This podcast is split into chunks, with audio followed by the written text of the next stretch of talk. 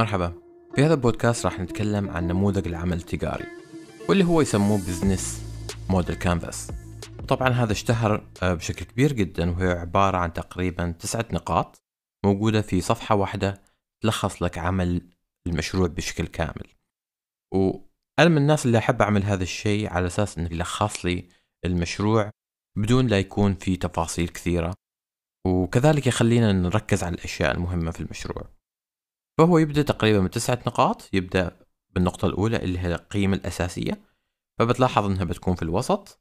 كذلك نروح على تجزئة الشرائح المستهدفة آه، النقطة رقم ثلاثة بنروح على القنوات أو قنوات التوزيع. النقطة رقم أربعة بتكون العلاقة مع العملاء. النقطة رقم خمسة بتكون مصادر الدخل.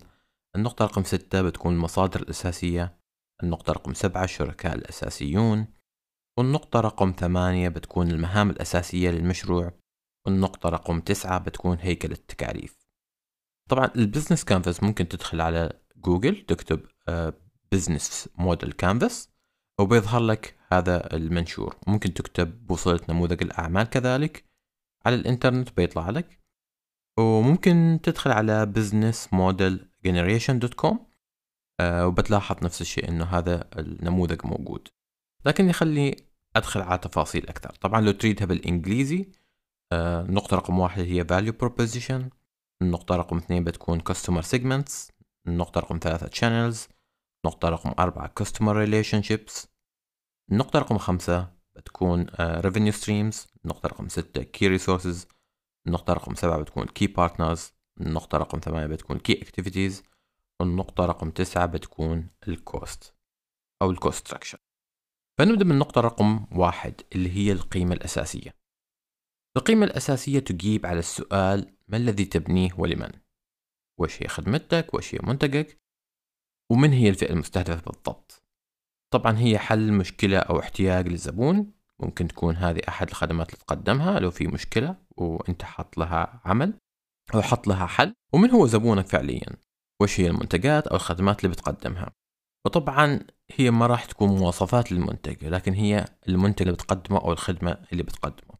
فهذه هي القيمة الأساسية. ممكن تكون حاجة مثل الترفيه أو التواصل وممكن تكون مشكلة مثل المحاسبة أو التسويق. فممكن تحط القيمة الأساسية بالنسبة لك واللي هي المنتج بشكل عام. النقطة رقم اثنين هي شريحة الزبائن المستهدفة. وهنا نتكلم عن زباينك منهم بشكل دقيق.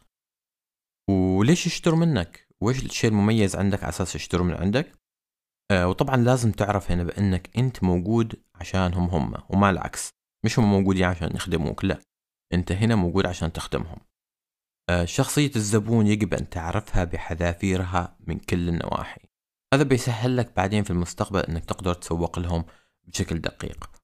في الحلقات القادمة في البودكاست راح نشرح عن التسويق ولكن لو ما عرفت من زبونك بشكل مفصل راح يزعجك هذا الموضوع في عملية التسويق. وراح نوصلها للبودكاستات القادمة. النقطة رقم ثلاثة هي قنوات التوزيع. يقصد في هذا الموضوع كيف يصل منتجك لزبائنك؟ ممكن عن طريق المحلات أو المخازن ممكن تكون عن طريق آه، البيع الإلكتروني أو غيرهم. ممكن إنك توصل منتجاتك بنفسك. فهي قنوات توزيع باختصار كيف الزبون بيستلم مشروعك. محل معمل موقع إلكتروني برنامج هاتف فيدكس باخرة كيف بيوصل المنتج لزبائنك النقطة رقم أربعة هي العلاقة مع العملاء يعني كيف تحصل على الزبائن واللي هو التسويق. النقطة الثانية كيف تحتفظ فيهم واللي هو الشراء. والنقطة رقم ثلاثة كيف أنميهم واللي هو الشراء الدائم أو يشترون من عندك مرة بعد مرة. النقطة رقم خمسة مصادر الدخل. يعني مصدر الدخل أنت كيف مشروعك؟ بيجيب لك موارد مالية. أنت بتقدم خدمة بتقدم منتج. وش هي هذه الخدمة أو المنتج اللي بتعملها أنت؟ ممكن مصادر الدخل تكون أساسية ومصادر الدخل ممكن تكون آه ثانوية. يعني مثلا أنت تقدم خدمة تصميم مثلا آه معماري. ولكن من المصادر الثانوية اللي بتجيبهم أنك تقدم مثلا دورات تدريبية في التصميم المعماري. لكن خدمتك الرئيسية ممكن تكون تصميم معماري ومصادر ثانوية ممكن تكون آه، بعض الأشياء اللي تفيد الناس. في نفس مجالك. النقطة رقم ستة المصادر التي تعتمد عليها. ما الذي تحتاجه لمؤسستك لتقديم المنتج أو الخدمة؟ من اللي بتحتاجه مخزن بتحتاج معرض بتحتاج مكتب ممكن تحتاج سيارة ممكن تحتاج موظفين مصممين مبرمجين عمال ممكن تحتاج آه، تصاريح أو شهادات أو غيرهم ممكن تحتاج مصدر مالي قرض أو دعم مالي. فكل هذه الأشياء تندرج تحت المصادر التي تعتمد عليها. النقطة رقم سبعة الشركاء الرئيسيين.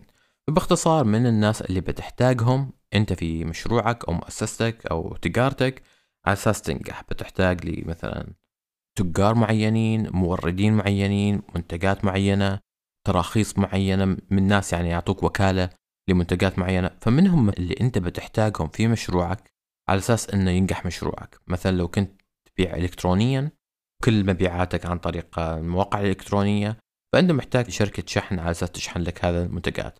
فلازم من ضمن الناس الشركاء الرئيسيين تكون شركة الشحن. كذلك ممكن يكون من الشركاء الرئيسيين بالنسبة لك هي شركات الدفع الإلكتروني. ليش؟ لأنك في المستقبل بتحتاج أنهم يخفضوك في الأسعار على أساس تربح بشكل أكبر. فمنهم الناس اللي بتحتاجهم على أساس يكونوا شركائك بشكل كبير جدا. النقطة رقم ثمانية بنروح بنروح للمهام الأساسية. والمهام الأساسية ما هي الشيء اللي يجب أن تعمله المؤسسة. مهمتك في المؤسسة وش النقاط الرئيسية اللي بتركز فيها؟ كذلك وش هي الأشياء اللي لازم أنت تكون خبير فيها؟ يعني لو قلنا مثلا أنت منصة للدفع الإلكتروني فمهم أنك تكون فاهم مثلا في مهام اللي هو آه، نقل الدفعات المالية أو التحويلات المالية. ممكن لازم تفهم في البرمجة أو أو حاجة معينة مثل هذه الأشياء. فوش هي المهام الأساسية اللي لازم تتقنها أنت؟ على أساس أنك تحترف الموضوع. مثلا جوجل من ضمن المهام الأساسية بالنسبة لهم اللي هو البحث والتطوير. ليش؟ لأن لو ما يبحثوا ويطوروا ما راح ينتجوا منتجات ذات فائدة للناس وما راح ينتجوا كذلك آه، منصة بحثية قادرة أنها توفر أفضل المعلومات و بسرعة جدا جبارة لو ما كان عندهم طرق واستراتيجيات أنه يوفروا هالمعلومات من خلال البحث والتطوير. فكذلك من ضمن الأشياء المهام الرئيسية عندهم إنه إدارة مثلا السيرفرات أو إدارة مثلا أجهزة الكمبيوتر السحابية لأنه عندهم كمية بيانات ضخمة فلو ما أداروا هذه المهام الرئيسية بالنسبة لهم بشكل صحيح ممكن تجارتهم ومشروعهم بالكامل يفشل. فهذه هي المهام الرئيسية. وش النقاط الأساسية اللي لازم تعملها على أساس ينجح مشروعك؟ نروح للنقطة رقم تسعة واللي هي المصاريف. ما هي المصاريف اللي تحتاجها تشغيل مؤسسة؟ أهم التكاليف المشروع؟ أكثر التكاليف آه، في بعض الأحيان ممكن تكون عندك مصاريف ثابتة مثل إيجارات مثل آه، اشتراك شهري للإنترنت أو غيره. وفي بعض مصاريف متغيرة مثل الكهرباء والماء ممكن في المشروع يتغير. ممكن مصاريف اللي هي آه، البترول أو ممكن تسميه أي محروقات مثلا. الأوراق ممكن بعض الأحيان أنت في الطباعة تضطر تطبع بكميات كبيرة وفي الشهر اللي قبله ما تضطر تدفع بهالكمية فمهم تنتبه لهذه المصاريف لأن بعض الأحيان ممكن تكون آه، لها تأثير آه، جدا كبير. فهذه هي باختصار مبسط وش هي بوصلة نموذج الأعمال أو business canvas model أو حتى نموذج الأعمال باختصار. اللي بنصحك فيه تروح على جوجل تكتب business model canvas حتى تكتب مثلا آه، نموذج الأعمال باللغة العربية فبيظهر لك في جوجل تحمله وتبدأ تعبي هذه البيانات. ترجع لهذا البودكاست تعرف وش شرح هذه الأشياء وبعدين تبدأ تطبق عليها فبيكون عندك مشروع تجاري فيه تقريبا كل الأشياء اللي أنت محتاجنها بشكل مختصر وبسيط. هذا ما بيغنيك عن أنك فعليا تعرف زبائنك بشكل دقيق جدا ما بيغنيك أنك تكون عندك أنظمة آه، في مشروعك. ما بيغنيك هذا الموضوع ولكنه بيختصر لك المشروع في ورقة واحدة. أنت بتشوف هذا المشروع هل مجدي أو ما مجدي إني أستمر فيه؟